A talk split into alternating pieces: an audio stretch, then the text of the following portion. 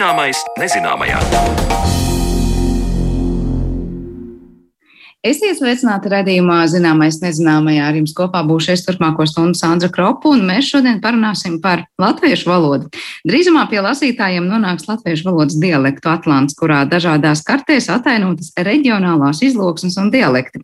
Kādās izloksnēs cilvēki ir runājuši agrāk un kā kaimiņš kaimiņu saprot mūsdienās, to visu pētnieki ir skaidrojuši, dodoties ekspedīcijās un kartējot latviešu valodu.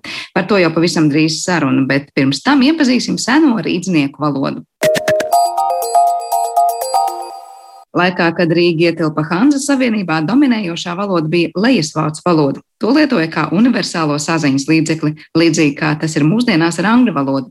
Par to, kādi bija dokumenti un kas tajos tika rakstīts lejasvācu valodā, interesējās mana kolēģe Zana Lāca Baltalksne. Labadiena! Sakiet, lūdzu, kur te ir ādmiņa darbnīca? Redziet, tur uz stūra, kur naudas mijēja veikals, paiesit tam garām, tad nākamā iela pa kreisi, un tur jau pēc smakas sajutīsit. Nē, droši vien tādi dialogi, kad 14. vai 15. gadsimtā Rīgas ielās nerisinājās ne valodas, ne teikuma formas ziņā. Vai mums vispār ir kāda nojausma, kas skanēja Rīgas ielās laikā, kad mūsu galvaspilsēta bija Hānzas Savienības sastāvā? Un to es jautāju maģistrantūras studentam Bernardam Kudiņam no Latvijas Universitātes Humanitāro zinātņu fakultātes ģermānistikas nodaļas. To ir ārkārtīgi grūti pateikt, kādas valodas skanēja Rīgas ielās, bet uh, informācija ir, ka ielās jau ir skanējušas dažādākās valodas. Sāksim jau ar to, ka Rīga bija ievērojams tirdzniecības un uh, dažādu citu kontaktu centrs, līdz ar to tautības tur bija atrodamas visdažādākās. Pamatā tomēr tika runāti dažādi šīs lejasvācu valodas dialekti, piemēram, tādi kā Lībekas dialekts vai Hamburgas dialekts vai Vestfāļu dialekts un dažādi citi. To ir grūti viennozīmīgi pateikt, jo dažreiz šīs dialektu robežas ārkārtīgi saplūst, un to, kādā valodā vai kādos dialektos runājuši cilvēki, to ir grūti konstatēt. Tā iemesla dēļ, ka dažreiz no tā, kas mums ir saglabājies rakstos, Mēs varam pateikt, ka ir atšķirības pareizrakstības ziņā, bet kādas ir bijušas atšķirības izrunas ziņā vai vārdu krājuma ziņā, to ir uh, visnotaļ grūti pateikt, jo tajos dokumentos, kas ir saglabājušies mums līdz mūsu dienām, tomēr tiek izmantotas visnotaļ ierastas un tradicionālas valodiskas formulas un iegājušies jēdzieni. Līdz ar to dažreiz vienīgais, kas atšķir šos dialektus, ir rakstības formas, kā piemēram vārds dievs, kas bieži atrodams dažādos šī laika tekstos. Šajā te standarta lejas vācu rakstu valodā ir god, bet, eh, piemēram, vestfāļu formā ir gād. Bet par izrunu mēs nevaram būt tik droši. Katrā ziņā ir svarīgi saprast, ka dominējošā šajā laikā tomēr gan kā sarunu valoda, kā universāli vienojošā valoda, gan kā rakstu valoda ir bijusi tomēr viduslejas vācu valoda. Runājot par tā laika valdošo viduslejas vācu valodu, tās atskaņas ir aizvien dzīvas latviešu valodā. Kā pagājušā gadsimta sākumā raksta literatūra kritiķis un literatūra vēsturnieks Teodors Zeiferts, tad no lejas vācu izloksnes ir nākuši tādi vārdi kā ziepes, klints, meija, bise, ķēniņš, stūre, kruķis un āmurs. Bet turpinājumā lūkosim, kādas saknes tad ir minētajai viduslejas vācu valodai un kā tā ir tikusi lietota runā un rakstos teju četru gadsimtu garumā Rīgā. Hanzas Savienība aptver ļoti plašu reģionu, faktiski visu Ziemeļa Eiropu un vēl ne tikai Ziemeļa Eiropu, bet galvenais ir tas, ka Hanzas Savienībā šajā laikā, šajā reģionā dominēja valoda, ko mēs mūsdienās saucam par viduslejas vācu valodu, kas funkcionēja kā lingva franka, jeb eh, universālā saziņas valoda, līdzīgā veidā kā mūsdienās tā ir angļu valoda. Tad nu, Hanzas Savienības laikos dominēja viduslejas vācu valoda, kas ir viens no vēsturiskajiem attīstības posmiem lejas vācu valodai, kura ir cēlusies no sensakšu valodas. Proti, ja mēs paskatāmies uz šo vācu valodas vēsturisko variantu attīstības koku, tad pēc tam pirmģermāņu valodām, par kurām mums ir salīdzinoši maz ziņu, ar laiku vairāk dienvidvācu apgabalos uh, izveidojas tā sauktā senaugšu vācu valoda vai althochdeutsch, un uh, ziemeļvācu reģionos izveidojas sensakšu valoda, jeb uh, altzeksišu vācu valodā saukta tā, kas pastāv apmēram no 9. līdz 12. gadsimtam un aptuveni no 12. gadsimta līdz aptuveni 15. un 16. gadsimtam ārkārtīgi aktīvi uzplaukst un eh, tiek viscaur izmantota tieši šī viduslejas vācu valoda, kas ir lejas vācu valodas šis eh, viduslaiku posms.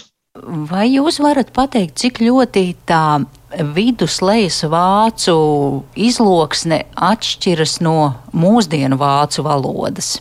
Var teikt, ievērojami atšķirīgi. Pirmkārt, tajā ir vērojamas tās pašas iezīmes, kas, piemēram, zviedru valodai un, eh, piemēram, nīderlandiešu valodai, proti tāds divskaņu iztrūkums, kur vācu valodā ir divskaņas, tur šajā te lejas vācu valodā divskaņu nebija, tur bija parasti patskaņi. Tā, piemēram, eh, nav notikusi skaņu pārmaiņa no p, t, k uz vācu valodā esošajiem b, d, g. Un eh, tādā veidā ir arī saglabājušās visnotaļ senas formas šajā viduslejas vācu valodā, tieši lejas vācu apgabalam raksturīgās, un arī sintakse kaut kādā ziņā ir atšķirīga no mūsdienu vācu valodas. Tā ka tikai ar modernās vācu valodas zināšanām diez vai izdosies. Tur ir iespējams drīzāk šifrēt vārdus, ejot pa skaņu pārmaiņām. Bernards Kudiņš kopā ar kolēģiem pēta Rīgas pilsoņu runas jeb būrsprākes. Tie ir rakstīti teksti, kurus var nosaukt par tādiem kā kārtības noteikumiem un pilsētas tiesībām. Ja sākotnēji šādi dokumenti tika rakstīti latīņu valodā, tad Hānzas Savienības laikā šo latīņu valodu pakāpeniski nomaina viduslejas vācu valoda. Pirmā saglabājusies būrsprāka, kas mums ir Rīgā vissenākā, kas šeit atrodama, ir no 1376. gada, bet pēdējā būrsprāka, ja pilsoņu runa, kā dokuments, ir nākusi no 17. gadsimta vidus. Mani ārkārtīgi ieinteresēja jautājums, vai, vai šīs te Rīgā atrodamās pilsoņu runas nevarētu sevī nest arī kādu diezgan īpatnēju teksta veidošanas stratēģiju, kas atvieglotu to iegaumēšanu, zinot, ka lasīt prasme tajā laikā ir ārkārtīgi zemā līmenī un ka likumi lielākoties ir eh, jāpatur prātā, īpaši pilsoņu runu gadījumā, kuras tiek vienreiz gadā nolasītas no rātes balkona skaļi un publiski, vai šajos tekstos varētu būt iebūvēts kaut kas tāds, kas atvieglotu atcerēšanos, atvieglotu iegaumēšanu, piemēram, īpašs teksta ritms, īpaša teksta melodija. Vai jūs varat minēt kādu piemēru, kas tad bija šajās eh, pilsoņu runās rakstīts? Tie bija rātas izdoti noteikumi, šīs pilsoņu runas, jeb būrsprāks. Viņi tika pasludināti noteiktā datumā un tos skaļi nolasot priekšā, proti no rātsnama balkona. Un Rīgas gadījumā šī izsludināšanas diena bija Svētā Miķeļa diena, jeb 29. septembris. Rīgas vēsturnieks eh, Jākobs Gotfrīds Leonhards Napjevskis, kurš izdeva krājumu Rīgas pilsētas tiesību avoti līdz 1673. gadam, piemin, ka pilsoņu runas šai krājumā ir uzņemtas vienīgi tāpēc, ka tās eh, cieši saistās ar eh, pilsētas tiesībām un tās papildina. Turklāt pilsoņu runās atrodami arī noteikumi no krimināla tiesību un civiltiesību lauciņa.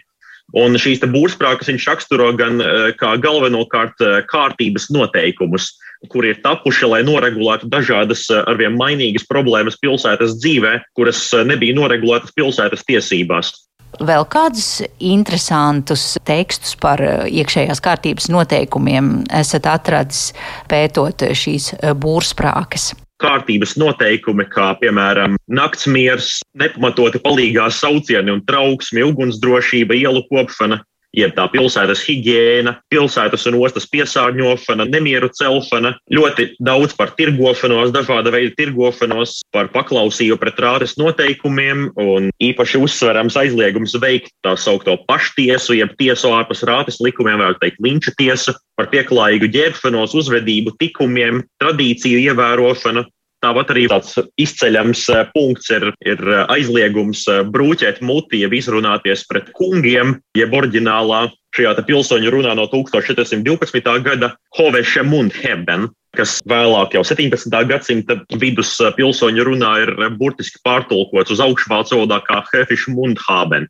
jeb izrunāties, nepiedienīgi izrunāties. Tas nozīmē, ka Šīs pilsoņu runas galvenokārt vēsta par kārtību pilsētā, tīrību pilsētā, mieru un saticību, kā arī par tradīciju un pieklājīgas, likumīgas uzvedības ievērošanu.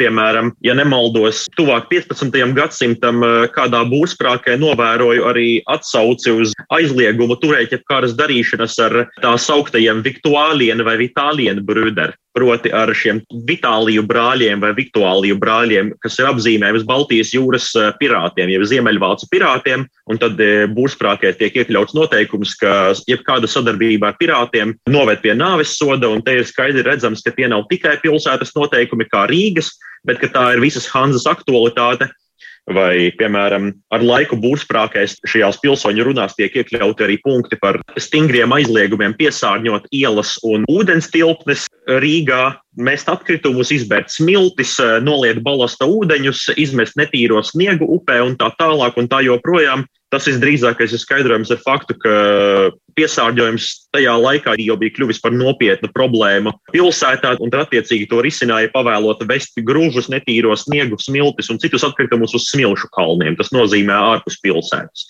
Par Rīgas pilsoņu runām rakstītos tekstos Hanza Savienības laikā stāstīja Bernārds Kudiņš no Latvijas Universitātes humanitāro zinātņu fakultātes ģermanistikas nodeļas, bet redzījuma turpinājumā pievēršamies mūsdienu dialektiem latviešu valodā.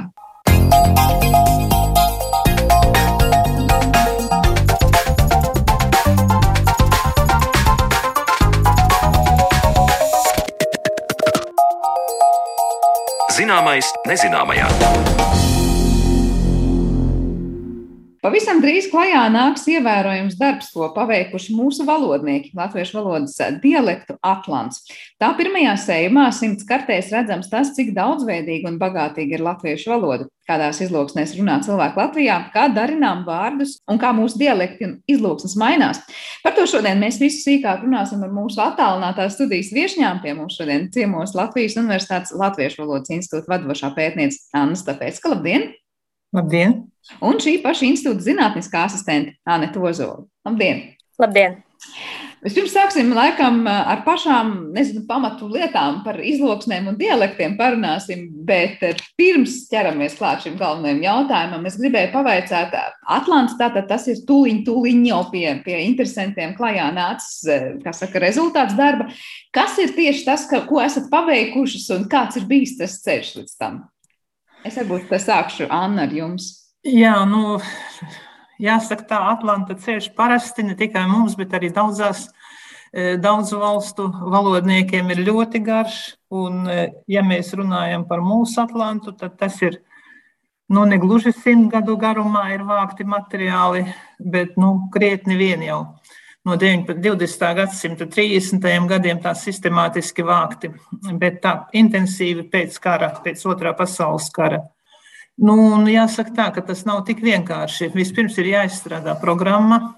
1954. gadā iznāca Latviešu valodas dialekta atlanta materiālu vākšanas programma, un tajā ir ietverta leksika, kas, protams, lasītājiem interesantāka, ja, kā sauc kādu reāliju, kādu priekšmetu dažādos Latvijas novados, protams, ir interesantāk nekā jā, jārunā par fonētiskām, morfoloģiskām īpatnībām. Tās var būt netik interesanti, lai gan valodā mēs tieši tās pamanām. Uzreiz mēs atpazīstam savējos un svešos runātājus. Nu, un tāpēc šīs programmas, kurā ietvert arī fonētika, morfoloģija, sintakse, tika vākti materiāli. Materiāli tika vākti visos pagastos, tas ir pēc 1939. gada iedalījuma vecie pagasti tā saucamie. Ja? Un e, tie bija 512 pagasti, bet jāsaka, runātāji nebija visos 512, un apmēram no 500 mums ir savākti materiāli. Ja? Pāri 6, 670 jautājumu. Tātad jāizjautā bija vairāki informanti, vietējie izloksnes runātāji. Ne katreiz tas bija sekmīgi, veiksmīgi, jo, ja, piemēram, aizbrauc cilvēks uz svešu izloksni, tad viņš nesaklausa to, kas uz vietas tur ir. Viņam, kas saka, priekšā ir savas izloksnes barjera, bet, nu, rezultātā Atlants ir tapis. Nu, jāsaka tā, ka tas ir, ir, ir bijuši vairāki varianti. Ir ļoti daudz diskusiju bijis ar valodniekiem. Faktiski ir nomainījušās vairākas paudzes. Sāka e, Milda Graudiņa, Elfrīda Šmite, Velta Rūķa Draviņa. Arī pie programmas ļoti daudz ir strādājusi, un, un viņa rakstījusi ļoti plaši par latviešu valodas atlantu. Tīri metodiski Zviedrija iznācis ir raksts.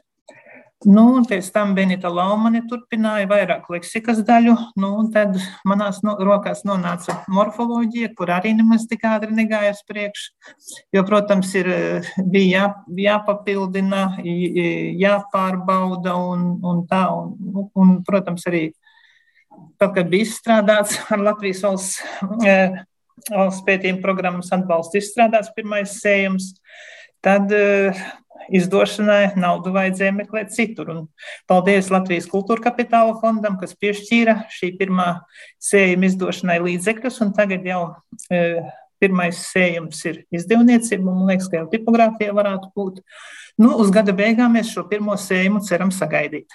Tad izklausās tāds kārtīgs teju gadsimta darbs ir paveikts. Jā, iesāka viena paudze, pabeidz cita paudze, bet varbūt tā net var ko papildināt. Es pareizi saprotu, ka šajā Atlantā mēs varam redzēt ne tikai to, kā varbūt cilvēki izrunā atšķirīgi kādu vārdu, atšķirīgos pagastos vai novados, bet arī vārdus darina un vispār iedomājas teikumu konstrukcijas veidot. Ja? Varbūt tā ir kāds piemērs, ko varbūt arī var papildināt.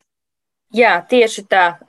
Fonētikas atlants, kas bija iepriekš izdots, tajā mēs vairāk redzējām tādas runas iezīmes, tad šeit tās īpatnības jau ir krietni labāk pamanāmas.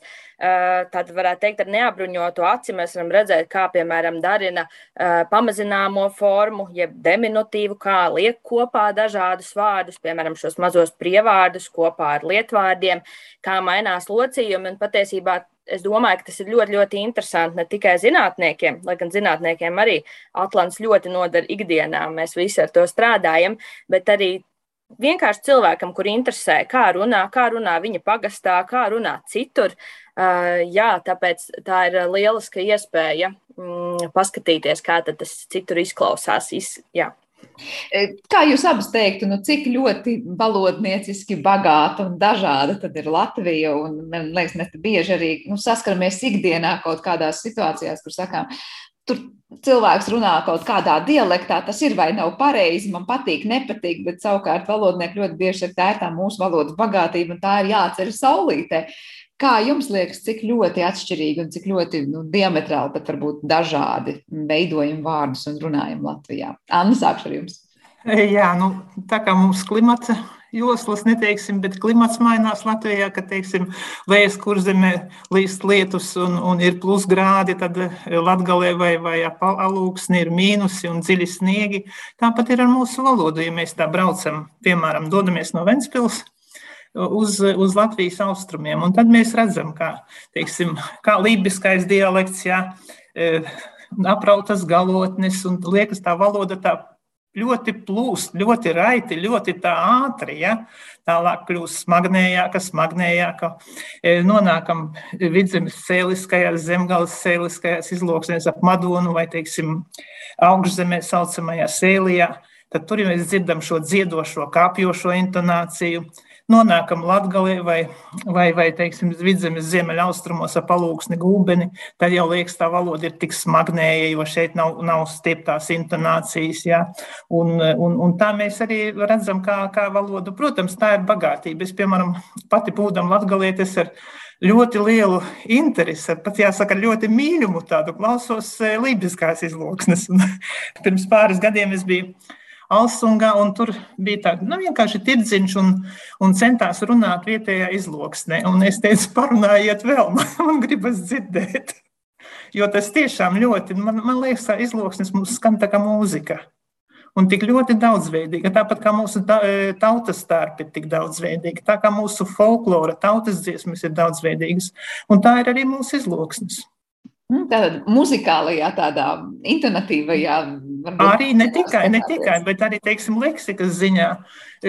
Kaut vai, piemēram, ja mēs saskatām šo novadu redniecību, nu, piemēram, Lejas kurzeme un Latgali.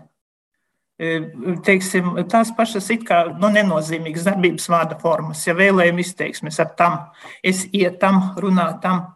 Mēs to saskatām Lejas kurzemē, Un to mēs atrodam Sēlijā, to mēs atrodam Latgalē.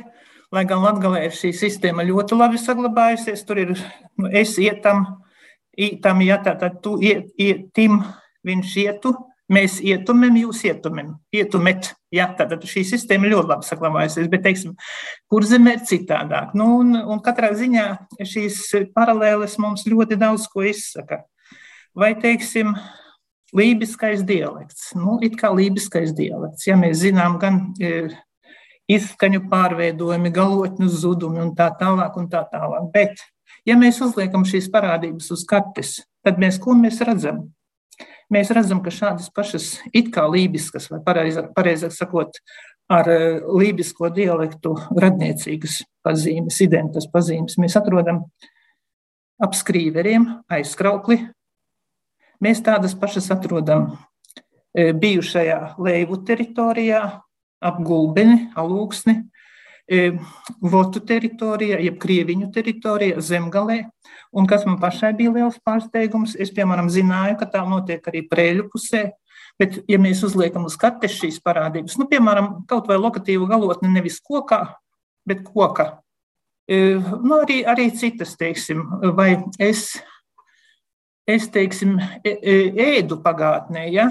bet šeit būs es ēdu, ja? zūd galotne. Un to pašu mēs atrodam arī prēļos. Nu, par prēļiem, teiksim, nav šo, ne tikai prēļos, tur ir vēl galēni un, un aizkalni apkārtējās izloses. Ja? Tātad, kas te slēpjas apakšā, tas uzdod atkal mīklas. Vai, teiksim, tagad pēdējā laikā ļoti aktuāli ir kļuvuši Ludzas Igauni, ir iznākusi Ludzas Igauni abece. Un kas no Ludzas Igauniem? Praktiski mums tikā nekas nav saglabājies, bet Ludzas Igauņu valoda mums ir ietekmējusi apkārtējās izloksnes. Un e, šeit ir laustās intonācijas vietā krītošā intonācija. Nevelti saka Igauņu valk. Ja šo, par Igauniem vēl sauc šos Igauņu pēctečus kas jau ir pārlatviskojušies. Ja?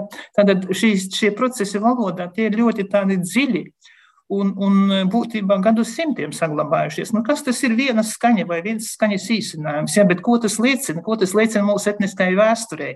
Vai, teiksim, tie būs, būs bijuši tie igauni, kas ienāca pie Tā pašā tie tā sauktie lēvi, ja, kas ienāca Gulbenes salūksnes teritorijā, vai arī kaut kas dziļš, sens somugrisks mantojums tur ir palicis. Nu, tas arī uzdod, uzdod jautājumus. Nu, līdz ar to būtībā dialektologu darbs, dialektologu savāktais materiāls ļoti noder vēsturniekiem, Kopā ar arheologiem var izdarīt secinājumus, etnogrāfiem, jo, piemēram, lielvārdi aizkrauklas krīveri, ja šī lielvārdas josta, ja tātad etnogrāfiski šis, šie raksti, un te arī valodas ziņā e, vecārā šis areāls, ja. Un tā mēs varam apmadonu, piemēram, parādās arī kaut kas e, somu, no Baltijas somu valodām, ja tātad dažādas konstrukcijas. Nu, un, un katrā ziņā valoda mums daudz ko pasaka priekšā un palīdz arī citu nozaru speciālistiem. Jā, kā jūs teicāt, viena skaņa var patiesībā izstāstīt ļoti daudz par aizgājušo laiku cilvēkiem. Kas tur dzīvojuši un kā tur dzīvojuši un ar ko dzīvojuši. Anete, vai ir kaut kas piebilstams varbūt pie tā, kuras sākumā jautājumu sabām? Nu, tad kas ir tas interesantais, ja mēs skatāmies to dažādību šeit, Anna, vairāk par šo te gan intonāciju, gan skanējumu, gan, gan daudz ko citu jau izstāstīja. Vai varbūt ir kaut kas cits, kas liek teikt, nu, tā latviešu valoda tiešām visā savā krāšņumā pārsteidz gan ar vārdu izvēli, gan vārdu darbināšanu. Jā, noteikti latviešu valoda ir tiešām ļoti krāšņa. To es esmu pamanījusi arī vēl pirms vispār es biju saistīta ar dialektoloģiju vai ar valodniecību. Tāds stāsts varbūt iz dzīves, kad es apprecējos ar savu vīru, kurš ir pavisam no citas vietas, tad viņš nesaprata, kāpēc es viņam saku, uzvāri man lūdzu ķinku. Un es pat esmu rīdzinieks vairākās paudzēs, bet redzat, kā velkas līdzi patiesībā tas mantojums.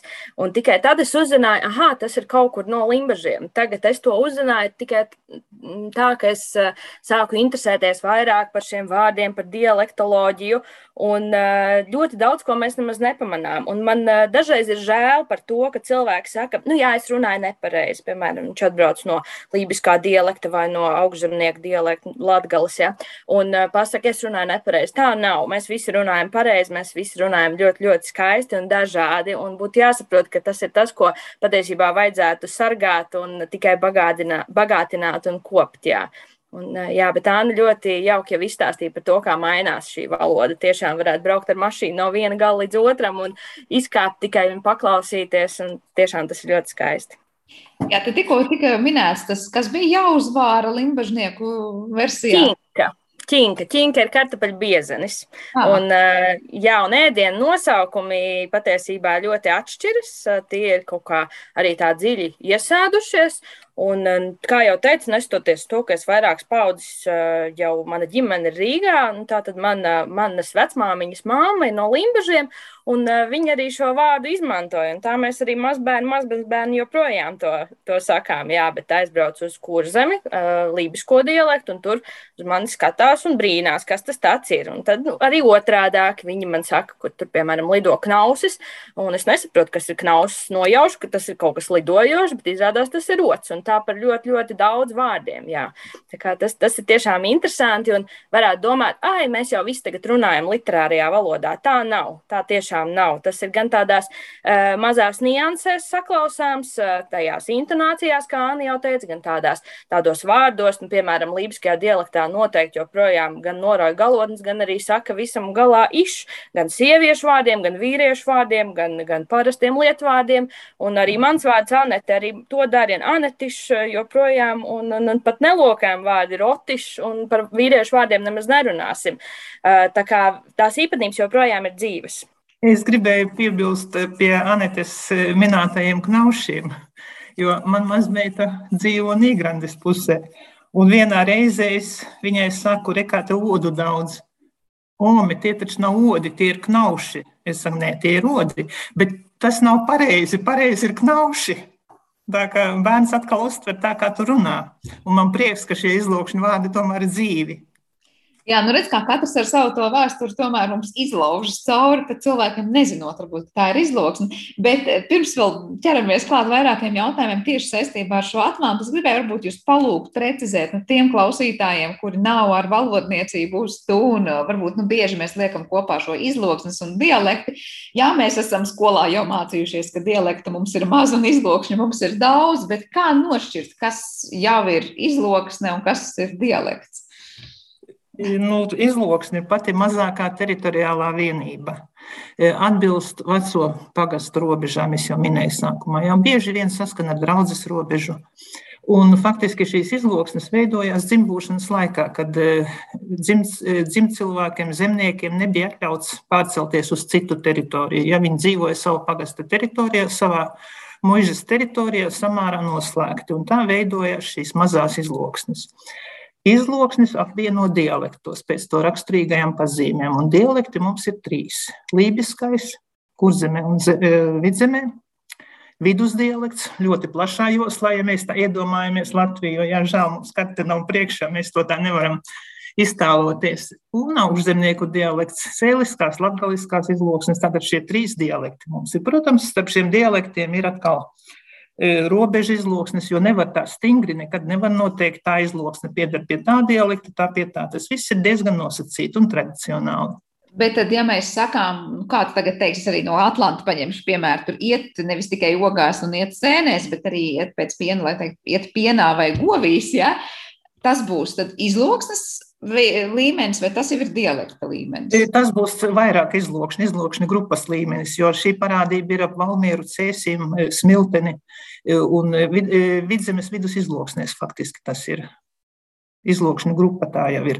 Ir dažas parādības, kas, teiksim, vienā, divās izlūksnēs, protams, mēs tad runāsim tikai par izlūksnēm, vai, teiksim, kaut kas plašāks, nu, piemēram, prievārds da, daiet, da, no ar da, jā. Ja E, faktiski tas ir diezgan tālu bijis. Bīlensteins 1892. gadā to dod pat no e, netālu no cēsīm. Viņš ir bijis tik tālu izplatīts no austrumiem. Tagad tā teritorija ir sarukusi. Ja? Nu, un, e, un, un tad jau mēs varam runāt par visu augšzemnieku dialektu, ka tas ir visā augšzemnieku dialektā un daļēji arī vidus dialekta izloksnēs. Tā, tā tas ir. Bet tad sanāk, dialekta robežās cilvēki pavisam noteikti viens otru saprot un ir sapratuši, vai ir tā, ka nostājas blakus divas dažādas izloksnes, kas ir viena dialekta apvienotas, un tad cilvēki var viens otru nesaprast, kas ir jāvāra vai pēc kā jāiet, tur varbūt um, diezgan liela pārējais. Vispār ļoti, ļoti interesanti tas ir.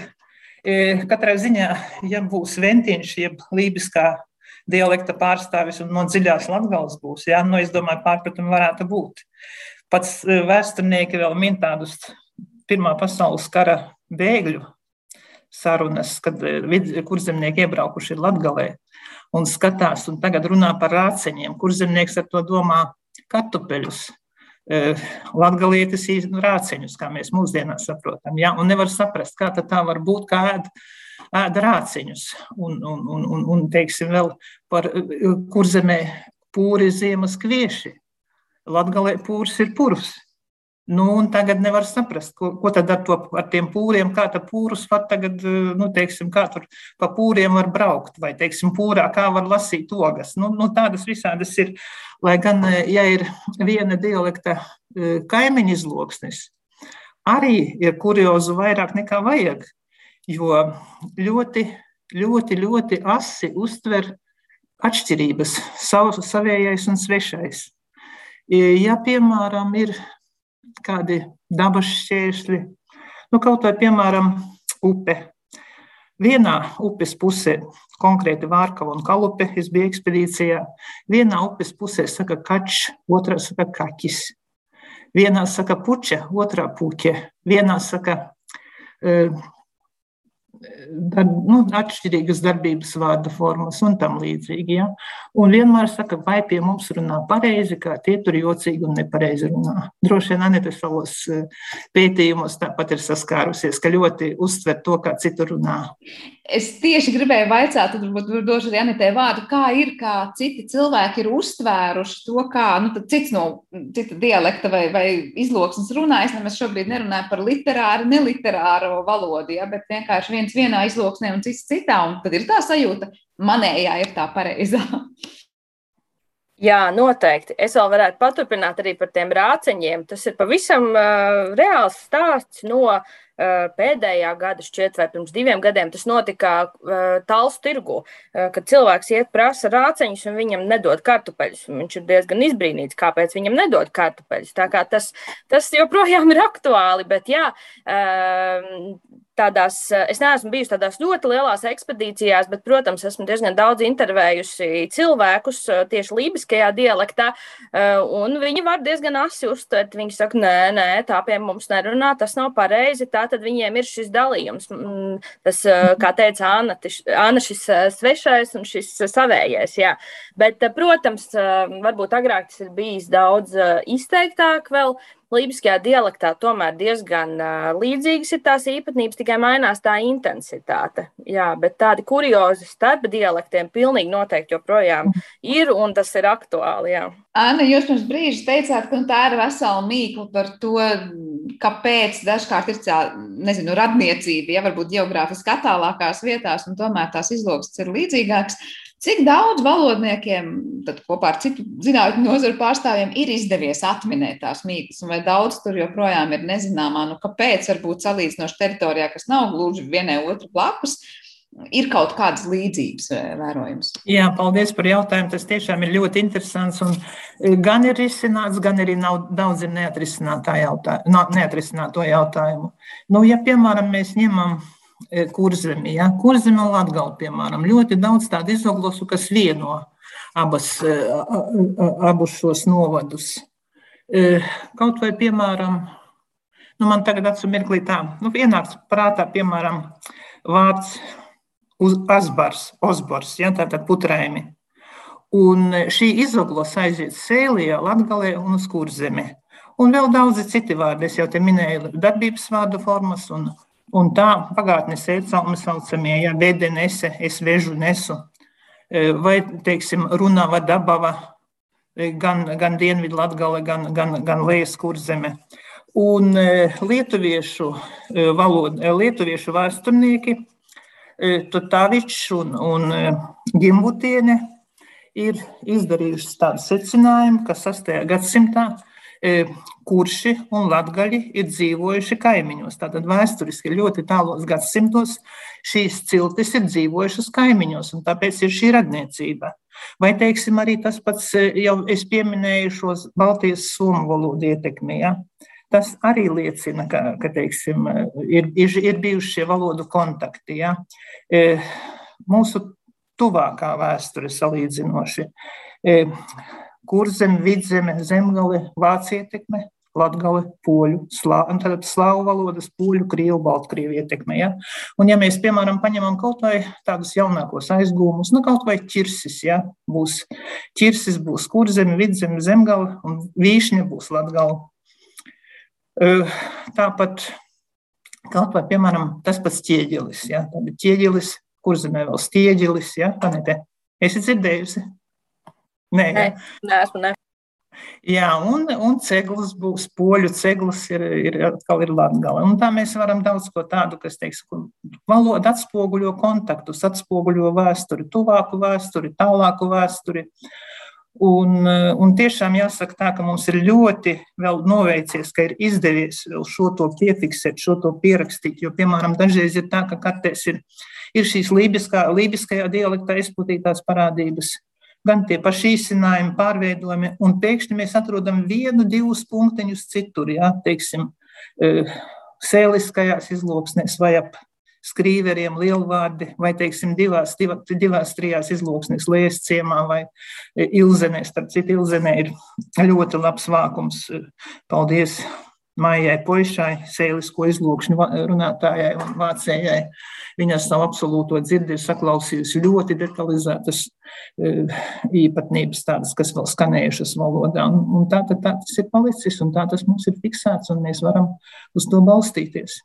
Jā, jūs tikko teicāt, eh, saklausīt ar savu absolūto dzirdi. Es iedomājos, ka daudz ir atkarīgs no valodnieka, kurš spēj saklausīt. Tieši tā, tieši tā, tieši tā. Un ļoti svarīgi ir, teiksim, vākt savā dialektā, savās izloksnēs. Ja dro, gribam drošu materiālu, tad vai savā izloksnē vāktais būs visdrošākais. Uh, redz, kur jāliek lietā, vai ne? Dialekta daudzveidība un krāšņums. Es pamazām noslēdzot, nu jau gan jāsaka šo sarunu, gribēju jums vēl vaicāt, nu, ja mēs tā raugāmies, es nezinu, jūs esat tie savu laika liecinieki, gan skaņas, gan vārdu darināšana, kur mēs varam atrast tādas nu, senākās, nezinu, interesantākās formas, vai tam var izsekot līdzi, vai tie ir kaut kādi darbības vārdi, un, vai tas ir kaut kādas pamazināmās formas, vai tas ir veids, kā mēs personu vārdus, nezinu, atveidojam un, un, un saucam citu citu, kurs, kas atspoguļo varbūt nu, tādas senākās uh, valodniecības lapus pie mums. Senākās, pašas senākās mums jau ir no 17. gadsimta. Tas ir Georgs Mancelis, Vārnīca Letus, 1638. gads. Un tur viņš min ne tikai teiksim, tādus vārdus, kā kurzemes vārdus, piemēram, dišs, skutulis. Zināt, kas ir skutulis? Bļoda, ja? diši, liels, sviķi, sveķi. Tad atkal par norādi par lietojumu alūksnē, gulbenē, Daugavpilī reizeknē viņš min tādus vārdus kā rūdināt, jeb raudināt, uztuba, ja tad istaba, māja, patmales, veidzirnavas, pūne, šķūnis, dobe, bedre un tam līdzīgi. Ja? Bet tai pašā laikā viņš ir pamanījis gan priedēkli da, gan, teiksim, dod dažādas dzimtes vārdiem kļavs un kļava, tiem vīriems, Ja tādas konstrukcijas viņš min, tad 17. gadsimts. Pēc tam jau ir nāk citi, vēlāk ir e, Gotthards Friedrichs Stenders savā gramatikā 1761. gadā. Interesanti, kā viņš raksta par dialektiem. Viņam tīrākais un labākais ir e, tātad zemgalē ap Balsku Jelgavu, kur zemē ap Dobeli saldu tukumu, Vidzemē ap Rīgu cēsim Valmieru, bet kā sliktākie tiek minēti augšzemnieku un lībiskais dialekts. Jā, tad kā sliktākie. Tā kā jau tāda dalīja labos un sliktos. Jau dalīja, jā. Un pēc, pēc, tam, pēc tam, protams, Augusts Bīlenšteins viņa izstrādā tā pirmā tāda ģeolingvistiskā karte, kur tiek rādītas dažādas izlūkšņu īpatnības. Ļoti daudz ir pa kurzemi, ja, gan, gan šis vīriešu dzimtes e, lietojums, sieviešu dzimtes zudums, pareizāk sakot, e, gan trešā persona, gan, teiksim, fonētika tīri. Tad arī, piemēram, vesela izoglosu kopa nošķir augšzemnieku un lejzemnieku izloksnes. Ļoti interesanti ir ap, ap Palsmani, Valmieru, Cēsīm šīs nākotnes formas, kā salīšu, respektīvi salšu, mirīšu, miršu. Un Bīlensteins jau dod veselu tādu areālu, ja, un tās izrādās ir dzīves arī mūsdienās. Mums ir kolēģi vākdama materiālus, viņa, e, viņa iemācījās saklausīt. Viņa sākumā nevarēja. To viņa likās, nu, tas ir parasta, parasta lieta, bet pēkšņi viens dzird, kas saka, salīs kājas, bet nevis salīs, bet sals. Jā, tur var pavisam noteikti pārprast, skatoties šos vārdus.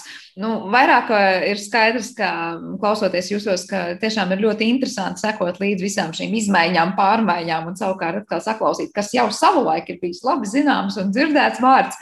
Noslēdzot šo sarunu, Anitē, gribēju vaicāt, vai ir kas zināms, kā ir nu, citās valstīs ar šo dialektu un izlokšanu, var teikt, tādu celšanu saulītē publiskajā telpā, jo pie mums, man liekas, mēs bieži sakām, nu, kaut kā šeit pat radio runājot, mums ir jārunā literāri pareizajā valodā, un ir kolēģi, kas ir pārmācījušies savas intonācijas, lai runātu radio citādāk. Zviedrijā, kā saka, neviens nekautrējas no izloksnēm, un tās tiek celtas saulītē diezgan daudz un plaši. Vai ir kas zināms, kā tas ir citās eh, valodās un citās valstīs? Es domāju, ka tā situācija ir ļoti, ļoti dažāda. Es pati esmu rakstījusi tādu vienu īsu pētījumu par to, kāda ir latviešu attieksme pret dialektiem un kāpēc tā tāda ir. Un tā dažreiz mani apbēdina. Teikšu, kā ir, un es uzskatu, ka mums vajadzētu vairāk par to priecāties, kā jau iepriekš teicu, jo tā ir bagātība. Un tas, tas ir pēdējo simts gadu laikā radies tāds, radušies aizspriedumi, gan tāpēc, ka padomu laikos tika kaut kāda tāda valodas politika dīvaina īstenota, gan arī citu apstākļu dēļ. Tāda mums ir tik daudz politisku dažādu izmaiņu bijuši simts gadu laikā, ka, protams, ka tas ir arī ietekmējis mūs. Bet uh, tas ir tiešām tā situācija dažāda. Es zinu, ka, piemēram, Vācijā ļoti aktīva dialektu pētniecība ir, un tur arī, protams, šī teritorija ir ļoti plaša. Tā tad arī tur runā pilnīgi citādāk, vēl, vēl vairāk tā, tad, tās atšķirības nekā mūsu dialektā. Un viņi ir arī ļoti tālu tikuši, piemēram, ar dažādiem tādiem ļoti inovatīviem uh, rīkiem. Nu, piemēram, viņiem ir dialektu korpus. Tas nozīmē, ka tur ir ļoti, ļoti daudz materiālu dialektu, un tad ar to var strādāt. Uh, un, jā, tā attieksme ir raiba. Nevarētu teikt, ka kaut kur ir tikai tā, vai kaut kur ir atkal tikai citādāk. Bet uh, es domāju, ka uh, arī latviešu valodā nav tik traki, un man priecē, ka cilvēki arvien vairāk lepojās ar to. Un, un es domāju, ka būs jau viss kārtībā. Es varētu piebilst vēl. Ja. Vairāk nekā 50 gadus jau darbojas Startautiskā dialektologu un geolingvistu biedrība, un vispār pasaulē tagad ir tendence saglabāt E, lokālās īpatnības. Nu, tā ir tāda, tā tāda dialektu pašsaglabāšanās tendence. Un tad mēs šais kongresos, kur regulāri ik pēc trim gadiem notiek, arī Rīgā viens no tiem bija, ja, mēs redzam arī gan tas, ka, ko Anita jau teica, ka šīs metodes dažādas tiek izmantotas modernās dialektu pētniecībai, bet ļoti, ļoti ir šī dialektu saglabāšanās, saglabāšanas un, un pētīšanas, nu, jāsaka, tiešām pēdējos gados ļoti, ļoti aktuāla lieta. Es domāju, ka šis dialektu atlants arī noteikti liks daudziem sausīties un saklausīt apkārt daudz ko interesantu un novērtēt, un varbūt tam piešķirt eh, lielāku vērtību, varbūt nekā līdz šim uzskatīts. Un es esmu pilnīgi pārliecināta, ka mums katram būs daudz ko interesantu, ko atrast šajā Atlantā. Jo, kā jūs teicāt, tiešām tas ir tāds nu, valoda dzīva, un tas ir tāds dzīves vēstījums par to, kāda tā ir. Paldies jums abām par šo sarunu. Es atgādināšu mūsu klausītājiem, ka šajā raidījuma pusstundā mēs bijām kopā ar Latvijas Universitātes Latviešu valodas institūta vadošo pētnieci Annu Stafetsku un šī paša institūta zinātnisko asistenti Anetu Ozolu. Ar to arī šis raidījums ir izskanējis, un par to parūpējās producenta Paula Gulbīnska. Mūzikas redaktors šai stundai bija Girds Bišs, bet ar jums kopā es Sandra Kropa. Lai mums visiem jauka diena un uz tikšanos!